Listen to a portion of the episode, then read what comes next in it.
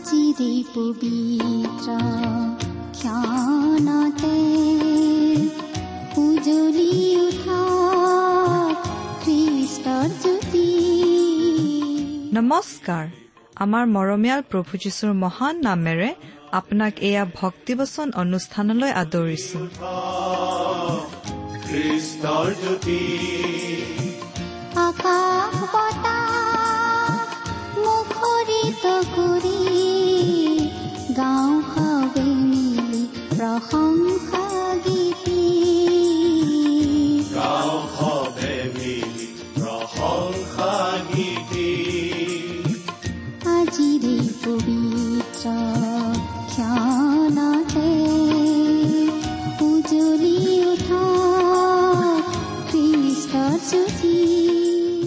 ঈশ্বৰে আপোনাক যি অসীম প্ৰেম কৰিলে তাক যদি অনুভৱ কৰিব বিচাৰে আৰু তেওঁৰ অগম্য বাক্যৰ মৌ মিঠা সোৱাদ ল'ব বিচাৰে তেন্তে আহক আজিৰ ভক্তিবচন অনুষ্ঠানটো মনোযোগেৰে শুনো।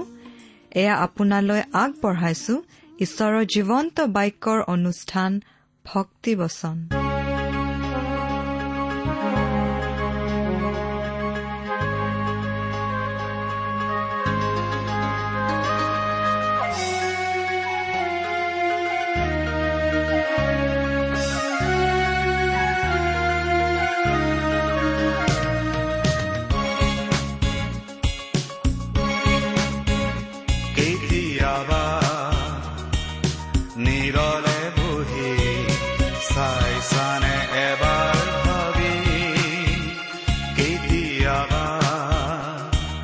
Neil.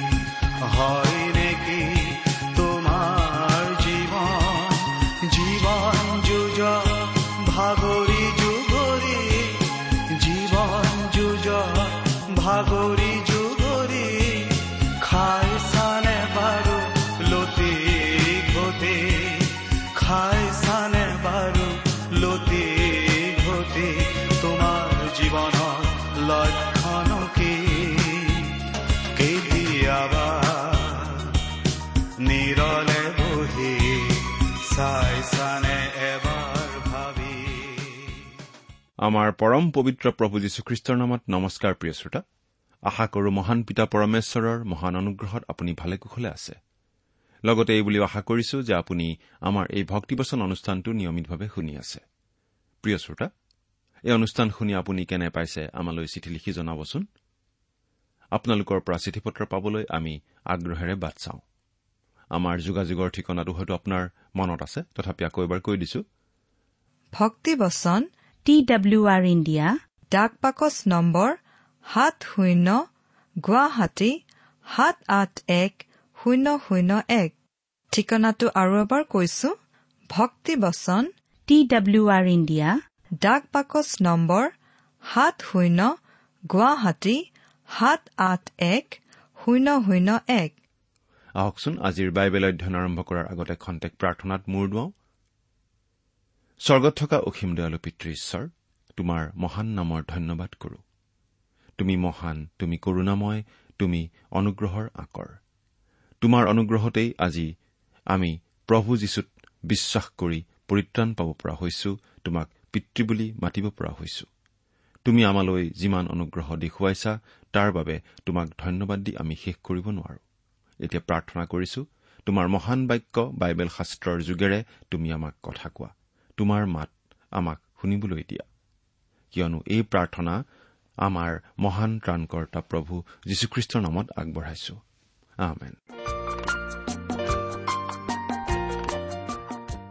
প্ৰিয় শ্ৰোতা আপুনি যদি আমাৰ আগৰ অনুষ্ঠানটো শুনিছিল তেনেহলে আপোনাৰ নিশ্চয় মনত আছে যে আমি যোৱা অনুষ্ঠানত বাইবেলৰ এখন পুস্তকৰ অধ্যয়নৰ সামৰণি মাৰিছিলো। গতিকে আজি আমি আন এখন পুস্তক অধ্যয়নৰ বাবে ল'ব খুজিছো। আজিৰ পৰা আমি যিখন পুস্তক অধ্যয়ন কৰিবলৈ হাতত লৈছো সেই পুস্তকখন আপোনালোকে পাব বাইবেলৰ নতুন নিয়ম খণ্ডত। পুস্তকখনৰ নাম হৈছে তীতৰ প্ৰতি পত্ৰ। আমি চমুকৈ তীত বুলিয়েই কওঁ।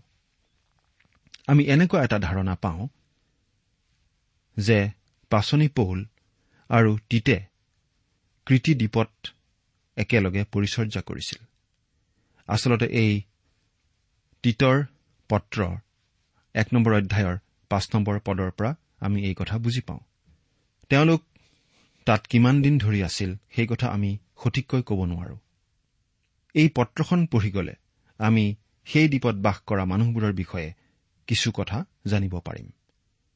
অৱশ্যে পাচনি পৌলে তেওঁলোকৰ বিষয়ে বৰ বেছি উচ্চ ধাৰণা ৰখা নাছিল বুলি আমি বুজি পাওঁ। আমি এইটোও বুজি পাওঁ যে পাচনি পৌলে সেই ঠাই এৰি আন ঠাইলৈ গৈছিল আৰু তাৰ পাছত এই চিঠিখন তীতলৈ লিখিছিল। তেওঁ তীতক উপদেশ দিছিল। এজন ডেকা প্ৰচাৰক হিচাপে সেই দ্বীপত থাকোতে কি কি কৰিব লাগিব সেই বিষয়ে। তেওঁ এই পত্ৰখন লিখিছিল আনুমানিক চৌষষ্ঠিৰ পৰা সাতষষ্ঠি চনমানৰ ভিতৰত। পাচনি পৌলে তীতৰ লগত একেলগে কৃতিদ্বীপত যি পৰিচৰ্যা কৰিছিল সেই কথা পাচনিৰ কৰ্ম পুস্তকত বৰ্ণনা কৰা হোৱা নাই। গতিকে আমি এই কথা সহজেই বুজি পাওঁ যে পাচনিৰ কৰ্ম পুস্তকত আদিমণ্ডলীৰ কাৰ্যকলাপ আদি গোটেইখিনি কথা লিপিবদ্ধ কৰা হোৱা নাই।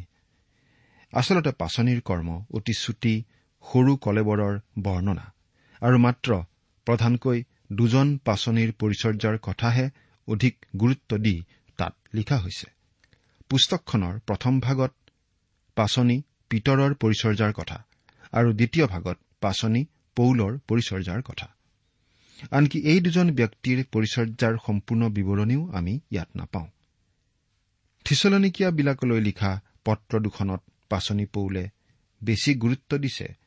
প্ৰভু যীশু যে এই পৃথিৱীলৈ আকৌ আহিব সেই বিষয়টোৰ ওপৰত। এইটো তেওঁৰ বাবে এটা উজ্জ্বল আৰু সুন্দৰ আশা। পাচনি পৌলৰ সমালোচকসকলে অৱশ্যে এই বুলি ক'ব খোজে যে পৌলৰ পৰিচৰ্যাৰ প্ৰথম সময়ছোৱাত তেওঁ এই বিষয়টোত বেছি গুৰুত্ব দিছিল কিন্তু পাছলৈ এই বিষয়টোত তেওঁ বেছি গুৰুত্ব দিয়া নাছিল। কিন্তু তীতলৈ লিখা এই পত্ৰখন পাচনি পৌলে তিমঠিলৈ লিখা প্ৰথম পত্ৰখন লিখাৰ সময়তেই লিখিছিল আৰু সেয়া আছিল পাচনি পৌলৰ পৰিচৰ্যাৰ শেষ সময়ৰ কথা। তীত দুই নম্বৰ অধ্যায়ৰ তেৰ নম্বৰ পদত পাচনি পৌলে এই বুলি লিখিছে পাঠ কৰি দিছো আৰু পৰম ধন্য আশা সিদ্ধিলৈ আৰু মহান ঈশ্বৰ আৰু আমাৰ ত্ৰাণকৰ্তা যীশুখ্ৰীষ্টৰ প্ৰতাপৰ আৱিৰ্ভাৱলৈ যেন অপেক্ষা কৰি থাকো এই অনুগ্ৰহে এনে শিক্ষা আমাক দিছে। এৰা প্ৰিয় শ্ৰোতা খ্ৰীষ্টীয় মণ্ডলীৰ যি গৌৰৱময় আশা অৰ্থাৎ প্ৰভু যীশুৰ পুনৰগমনৰ যি আশা সেইটো পাচনি পৌলে হেৰুৱাই পেলোৱা নাছিল। সেই আশা উজ্জ্বলভাৱে জিলিকি আছিল বুলি আমি ভাবো আৰু অধিক উজ্জ্বলতাৰেহে সেই গৌৰৱময় আশা জিলিকি থাকিব। আৰু আমি ভাৱবাদীসকলৰ বাক্য আগতকৈ দৃঢ় হৈ থকা পাইছো। দিন নহয় মানে আৰু তোমালোকৰ হৃদয়ত প্ৰভাতীয় তৰা উদয় নহয় মানে আন্ধাৰময় ঠাইত পোহৰ দিয়া প্ৰদীপৰ সদৃশ সেই বাক্যলৈ যে তোমালোকে মন কৰিছা ভাল কৰিছা। দ্বিতীয় পিতৰ এক নম্বৰ অধ্যায়ৰ ঊনৈশ নম্বৰ পদ। তিমঠি আৰু টিট আছিল দুজন ডেকা প্ৰচাৰক। যি দুজনক প্ৰভু যীশুলৈ অনাৰ কৃতিত্ব পাচনি পৌলে পাইছিল। সেইবাবে পাচনি পৌলে দুয়োজনকেই নিজৰ সন্তান বুলি কৈছে। বৈধ সন্তান বুলি কৈছে।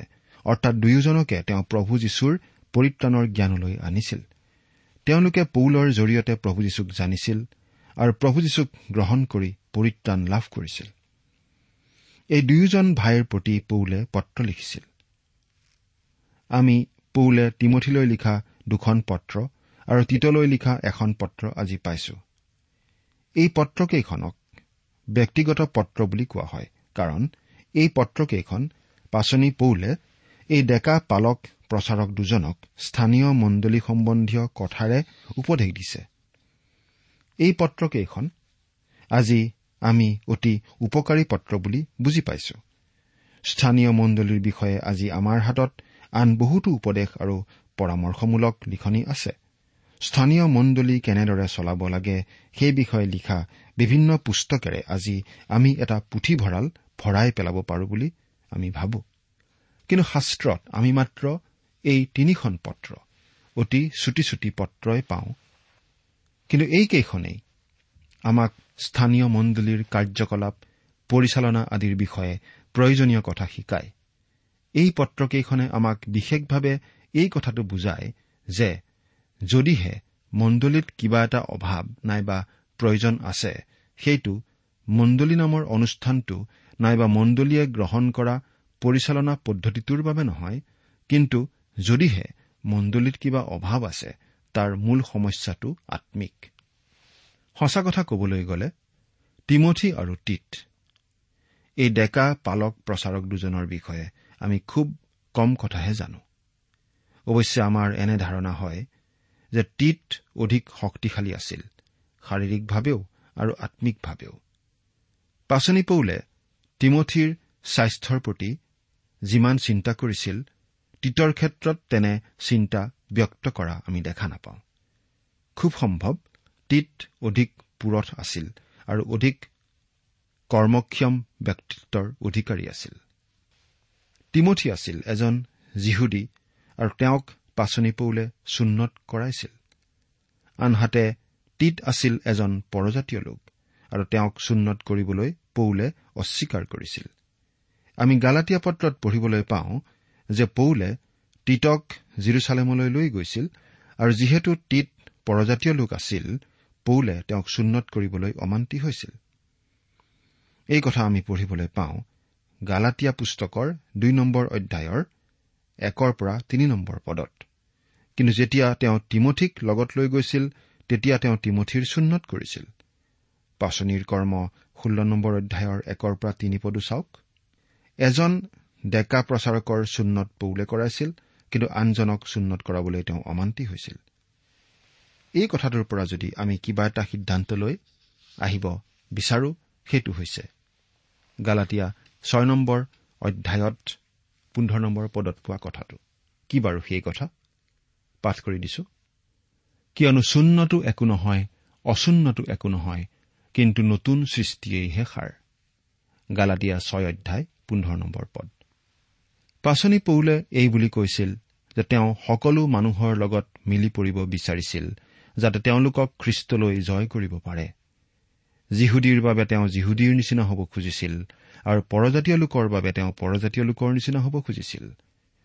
তেওঁ তিমঠিক চুন্নত কৰিছিল কাৰণ তেওঁলোক যিহুদীবোৰৰ ধৰ্মধামলৈ গৈছিল। কিন্তু জিৰচালেমৰ ধৰ্মীয় মহাসভাত খ্ৰীষ্টৰ শুভবাৰ্তাৰ বিষয়টো জড়িত হৈ আছিল। আৰু খ্ৰীষ্টৰ শুভবাৰ্তাত বিধান পালনৰ বিষয়টো যাতে অলপো সোমাব নোৱাৰে সেইটো পৌলে বিচাৰিছিল। গতিকে তেওঁ তীতক চুন্নত কৰাত বাধা দিছিল। আমি খ্ৰীষ্টিয়ান জীৱন যাপন কৰাৰ বাবে কোনো ধৰণৰ নীতি নিয়ম বিধি বিধান আদি নিৰ্ধাৰণ কৰি দিয়াটো ভয়ংকৰ কথা কাৰণ সেইবোৰ আচলতে জাগতিক ৰীতি নীতিহে প্ৰিয় শ্ৰোতা যদিহে প্ৰভু যীশুৰ সৈতে আপোনাৰ এটা ব্যক্তিগত সম্বন্ধ নাথাকে তেনেহলে আন সকলোবোৰ কথা মিছা। তীতৰ প্ৰতি লিখা এই পত্ৰখনত আমি নতুন নিয়মৰ খ্ৰীষ্টীয় মণ্ডলীক বিশ্বাসীসকলৰ এটা পূৰ্ণৰূপৰ অনুষ্ঠান হিচাপে সুন্দৰ ৰূপত দেখা পাওঁ। বহুতো লোকে আজি ক'ব খোজে যে তেওঁলোক নতুন নিয়মৰ মণ্ডলীৰ সদস্য। কিন্তু আমি তেনে লোকক সুধিব খোজো তেওঁলোকৰ মণ্ডলীত বাৰু অলপতে কোনোবা থিতাতে বাগৰি মৃত্যুমুখত পৰিছেনে? আমি নিশ্চিতভাৱে ক'ব পাৰো যে এনে প্ৰশ্ন সুধিলে তেওঁলোক আচৰিত হ'ব আৰু ক'ব নাই তেনেধৰণৰ অভিজ্ঞতাটো আমাৰ হোৱা নাই। কিন্তু আদি মণ্ডলীত নতুন নিয়মৰ মণ্ডলীত অননীয় আৰু চফিৰাই থিতাতে বাগৰি পৰি মৃত্যুমুখত পৰিছিল কাৰণ তেওঁলোকে পবিত্ৰ আত্মাৰ আগত ফাঁকি দিছিল। এই বিষয়ে আমি পঢ়িবলৈ পাওঁ পাচনিৰ কৰ্ম পাঁচ নম্বৰ অধ্যায়ত। আমি ভাবো যদিহে আমাৰ মণ্ডলীসমূহত আজি এই নীতি চলি থাকিলেহেঁতেন।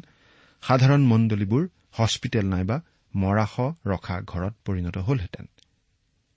এই পত্ৰখনৰ মতে আদৰ্শ মণ্ডলীটো হৈছে এনে এটা মণ্ডলী যিটোৰ এটা সুসংঘবদ্ধ পৰিচালনা ব্যৱস্থা আছে।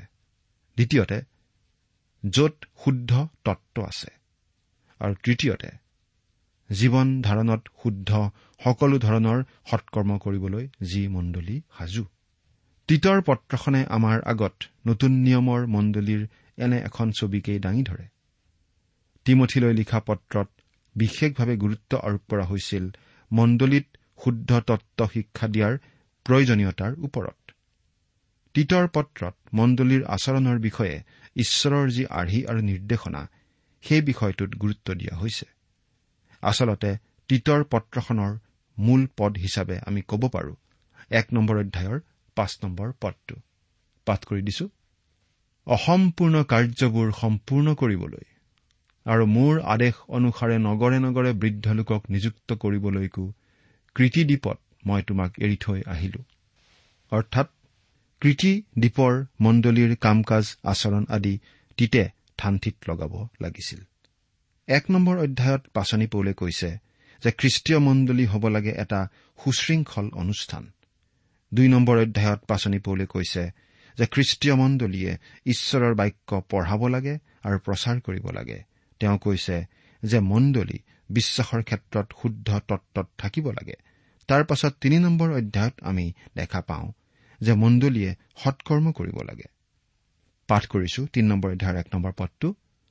আধিপত্য আৰু ক্ষমতা পোৱাবিলাকৰ বশীভূত হবলৈ আজ্ঞা মানিবলৈ সকলো সৎকৰ্মত যুগুত হবলৈ। আন কথাত কবলৈ গ'লে খ্ৰীষ্টীয় মণ্ডলীয়ে অনুগ্ৰহৰ দ্বাৰাই পৰিত্ৰাণ লাভ কৰিছে অনুগ্ৰহৰ দ্বাৰাই জীৱন ধাৰণ কৰিব লাগিব আৰু সেই বিশ্বাস জগতৰ আগত প্ৰদৰ্শন কৰিব লাগিব সৎকৰ্মৰ দ্বাৰাই। আমি এই কথা কবই লাগিব যে আজি এনেকুৱা এটা মণ্ডলী বিচাৰি পোৱা টান যিটো মণ্ডলীত এই তিনিওটা দিশত গুৰুত্ব আৰোপ কৰা হৈছে গোটেই তিনিওটাতে সমানে গুৰুত্ব দিয়া মণ্ডলী আজি পাবলৈ টান। কিছুমান মণ্ডলীয়ে এটা দিশত বেছি গুৰুত্ব দিয়ে আন কিছুমান মণ্ডলীয়ে হয়তো আন এটা দিশত অধিক গুৰুত্ব দিয়ে। আমি এই প্ৰত্যেকটো দিশৰ পৰাই অলপ বহলাই চাব খুজিছো। প্ৰথম কথাটো হ'ল মণ্ডলীটো হ'ব লাগিব সুশৃংখল মণ্ডলী। পাচনি পৌলে কৰিন্ঠিয়াবিলাকলৈ লিখিছিল যে সকলো কাম পৰিপাতি আৰু সুশৃংখলভাৱে কৰিব লাগে। কেতিয়াবা আমি মণ্ডলীসমূহত এনেকুৱা সুশৃংখলতাৰ অভাৱ দেখো কাৰণ মাত্ৰ কেইজনমান মানুহেই গোটেইবোৰ কাম কৰি থাকিব খোজে। এনেকুৱা মণ্ডলীৰ সমস্যা গুৰুতৰ আৰু পালকৰ বাবে বৰ মূৰৰ কামোৰণি উঠা ধৰণৰ কথা। মণ্ডলী পৰিপাতি আৰু সুশৃংখল হ'ব লাগে মাত্ৰ দুজনমান দিকনে চলোৱা অনুষ্ঠান হ'ব নালাগে। দ্বিতীয়তে বহুতো মণ্ডলীত আমি দেখিবলৈ পাওঁ যে শুদ্ধ তত্বৰ ওপৰত একো গুৰুত্বই দিয়া নহয়।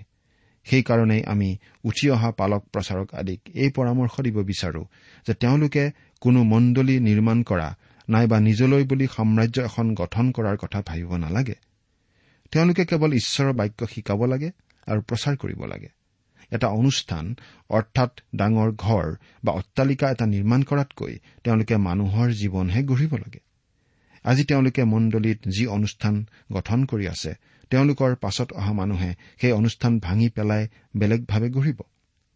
যদিহে মানুহৰ জীৱন গঢ়াত মনোনিৱেশ নকৰে তেনেহলে পালকজনৰ বাবে সেয়া হ'ব অতি দুখ লগা কথা।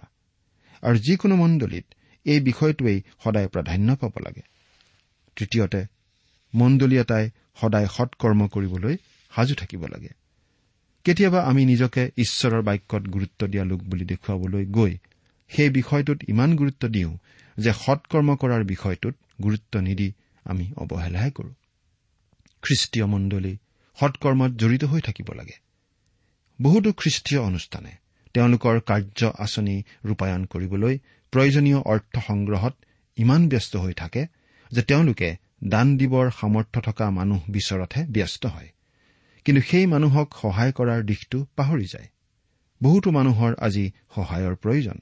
কেৱল আম্মিক দিশতেই নহয় জাগতিক দিশতো। আমি মানুহৰ জাগতিক অভাৱ পূৰণৰ অৰ্থে কিবা কিবি কৰাৰ প্ৰয়োজন আছে। আমি এই কথা অতি আনন্দেৰে লক্ষ্য কৰিছো যে বহুতো খ্ৰীষ্টীয় মণ্ডলীয়ে মানুহক সহায় কৰা কামটো চলাই আছে। এনে কিছুমান মণ্ডলীৰ বিষয়ে আমি জানো যিবোৰে অতি পিছপৰা ঠাইত থকা দুখ লগা অৱস্থাত থকা মানুহক চাবলৈ যায়। বিভিন্ন ধৰণে সেৱা শুশ্ৰূষা আগবঢ়ায়। এইটো অতি সুন্দৰ কাম। দুখী দৰিদ্ৰক সহায় কৰিবলৈ দেশৰ শাসকসকলেও নানা আঁচনি লয়। কিন্তু আমিও তেনেধৰণৰ কাম কৰিব পাৰোঁ। আমি তীতৰ প্ৰতি পৌলে লিখা পত্ৰখনৰ এটা চমু বিৱৰণী ইয়াতেই আগবঢ়ালো। আজি অৱশ্যে উদাৰপন্থীসকলে এই পত্ৰৰ তৃতীয় অধ্যায়টোতহে অধিক গুৰুত্ব দিয়ে। আৰু কেৱল সৎকৰ্ম কৰা বিষয়টো গুৰুত্ব সহকাৰে লয়। কিন্তু তাৰ আগত থকা সুশৃংখলতা আৰু শুদ্ধ তত্ব বিষয়ক অধ্যায় দুটাৰ কথা তেওঁলোকে একেবাৰে পাহৰি যায়। কিন্তু পাচনি পৌলে আগবঢ়োৱা তিনিওটা দিশত সমানে গুৰুত্ব নিদিয়া মণ্ডলী কেতিয়াও নতুন নিয়মৰ মণ্ডলী হ'ব নোৱাৰে। এতিয়া আমি অলপ সময় আছে গতিকে এক নম্বৰ অধ্যায়ৰ পৰা অলপ চাব খুজিছো। এই এক নম্বৰ অধ্যায়টোৰ মূল বিষয় হৈছে খ্ৰীষ্টীয় মণ্ডলী এটা অনুষ্ঠান। এই পত্ৰৰ আৰম্ভণিখিনি পালকীয় পত্ৰৰ নিচিনাই। কিন্তু পাচনি পৌলে লিখা আন আন পত্ৰকেইখনৰ নিচিনা নহয়। আমি প্ৰথম তিনিওটা পদ একেলগেই পঢ়ি দিছো। আপোনাৰ যদি লগত বাইবেল আছে চাবচোন। পাঠ কৰি দিছো। এক নম্বৰ অধ্যায়ৰ প্ৰথম তিনিওটা পদ। ঈশ্বৰৰ মনোনীত লোকৰ যি বিশ্বাস আৰু ভক্তিৰ দৰে যি সত্যৰ তত্বজ্ঞান সেই অনুসাৰে যি অনন্ত জীৱন মিছা নোকোৱা ঈশ্বৰে অনাদিকালৰ পূৰ্বে দিবলৈ প্ৰতিজ্ঞা কৰিছিল।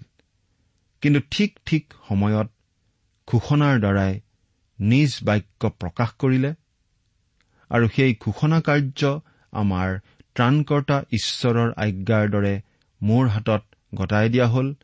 সেই অনন্ত জীৱনৰ আশাত ঈশ্বৰৰ দাস আৰু যীশুখ্ৰীষ্টৰ নিযুক্ত পাচনি পৌল সাধাৰণ বিশ্বাসৰ দৰে যথাৰ্থ পুত্ৰ তীতৰ সমীপলৈ।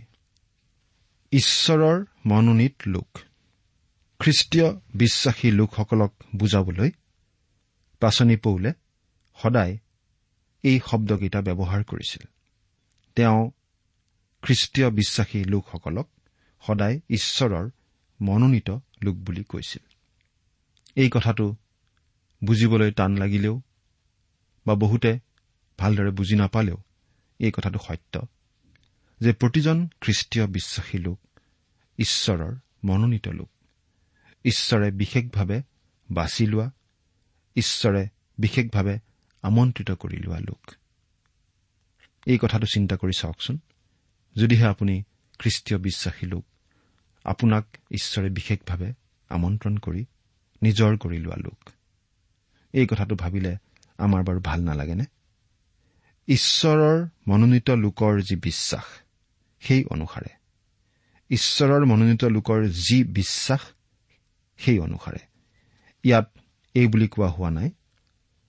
ঈশ্বৰৰ মনোনীত লোকৰ যি বিশ্বাস সেই বিশ্বাসৰ বাবে এই বুলি কোৱা নাই। কিন্তু কৈছে বিশ্বাস অনুসাৰে বুলিহে।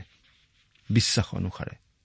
অৰ্থাৎ পাচনি পৌলে ইয়াত যিখিনি কথা কৈছে সেইখিনি খ্ৰীষ্টীয় বিশ্বাসীসকলৰ বিশ্বাস অনুসাৰে ধাৰ্য কৰা মানদণ্ড অনুসাৰে কৈছে। অৰ্থাৎ খ্ৰীষ্টীয় বিশ্বাসৰ সৈতে যি জীৱন ধাৰণ আচৰণ আদিৰ মানদণ্ড বান্ধি দিয়া হৈছে সেই মানদণ্ড অনুসাৰে পাচনি পৌলে এই পত্ৰত কথাখিনি লিখিছে। প্ৰিয় শ্ৰোতা আমি পৰিত্ৰাণ পোৱা লোক হয় নে নহয় সেইটো নিৰ্ভৰ কৰে আমি বিশ্বাস কৰো নে নকৰো সেই কথাটোৰ ওপৰত। আপুনি প্ৰভু যীশুখ্ৰীষ্টৰ বিষয়ে বাৰু কি ভাবে? যদি আপুনি প্ৰভু যীশুখ্ৰীষ্টৰ বিষয়ে কি ভাবে সেই কথাটো মোক কয়। তেওঁৰ ক্ৰুচীয় মৃত্যুক আপুনি কি হিচাপে লয়? আৰু আপোনাৰ বাবে প্ৰভু যীশুৰ সেই ক্ৰুচীয় মৃত্যুৰ অৰ্থটো কি? সেই কথাটো যদি আপুনি মোক কয় প্ৰভু যীশুৰ পুনৰুত্থানৰ বিষয়ে আপুনি কি ভাবে? তেওঁ যে তৃতীয় দিনা মৃত্যুক জয় কৰি কবৰৰ পৰা যি উঠিছিল সেই কথাটোৰ বিষয়ে আপুনি কি ভাবে আৰু সেই কথাটোৱে আপোনাৰ বাবে কি অৰ্থ কৰে? সেই কথাটো যদি আপুনি মোক কয় আপুনি বাইবেল ঈশ্বৰৰ বাক্য বুলি বিশ্বাস কৰে নে নকৰে? বাইবেলক আপুনিনো কি বুলি ভাবে? সেই কথাটো যদি আপুনি মোক কয় তেন্তে আপুনি কোৱা এই কথাখিনিৰ ভিত্তিত মই বা আন যিকোনো খ্ৰীষ্টীয় বিশ্বাসীয়ে বুজি পাব আপুনি খ্ৰীষ্টীয় বিশ্বাসী হয় নে নহয়? আপুনি ঈশ্বৰৰ সন্তান হয় নে নহয়? প্ৰিয় শ্ৰোতা আপুনি নিজকে সুধি চাওকচোন। এয়েই হৈছে খ্ৰীষ্টীয় বিশ্বাসৰ মানদণ্ড। ঈশ্বৰৰ মনোনীত লোকৰ যি বিশ্বাস সেই অনুসাৰে। ভক্তিৰ দৰে যি সত্যৰ তত্বজ্ঞান সেই অনুসাৰে। প্ৰিয় শ্ৰোতা সত্যৰ তত্বজ্ঞানে আমাৰ জীৱনত ভক্তিপূৰ্ণ চাল চলন আচাৰ ব্যৱহাৰ সৎকৰ্ম আদিৰ জন্ম দিব লাগে। প্ৰভু যীশুৱেই সত্য। তেওঁক জনা মানেই সত্যৰ তত্বজ্ঞান লাভ কৰা। গতিকে তেওঁৰ বিশ্বাসীসকলৰ জীৱন হ'ব লাগে ভক্তিপূৰ্ণ জীৱন।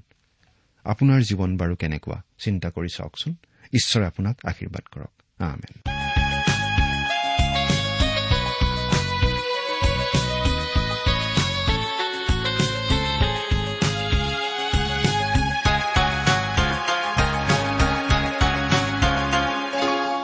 truth.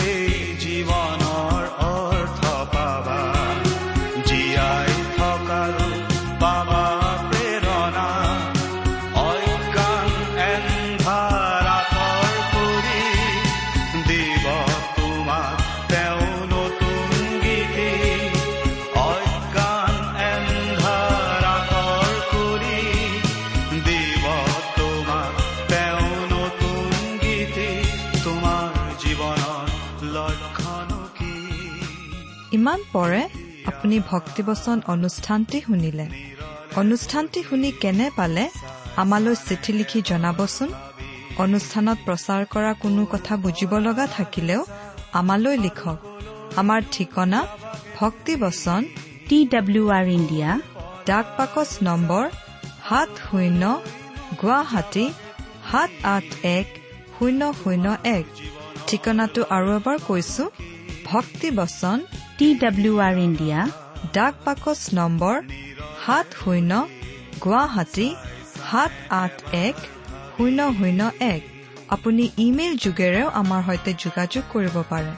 আমাৰ ইমেইল আইডিটো হৈছে Assamese T TV at radio' eight eight two dot com. আইডিটো আকৌ এবাৰ কৈছো। Assamese T TV at radio' eight eight two dot com. আপুনি টেলিফোনৰ মাধ্যমেৰেও আমাক যোগাযোগ কৰিব পাৰে। আমাৰ টেলিফোন নম্বৰটো হৈছে শূন্য তিনি ছয় এক দুই ছয় শূন্য চাৰি ছয় সাত এক। ফোন নম্বৰটো আকৌ এবাৰ কৈছো zero' three six one two six zero' four six seven one. আজিৰ অনুষ্ঠানটি ইমানতে সামৰিছো। ঈশ্বৰৰ শান্তি আৰু অনুগ্ৰহ আপোনাৰ লগত থাকক। ধন্যবাদ।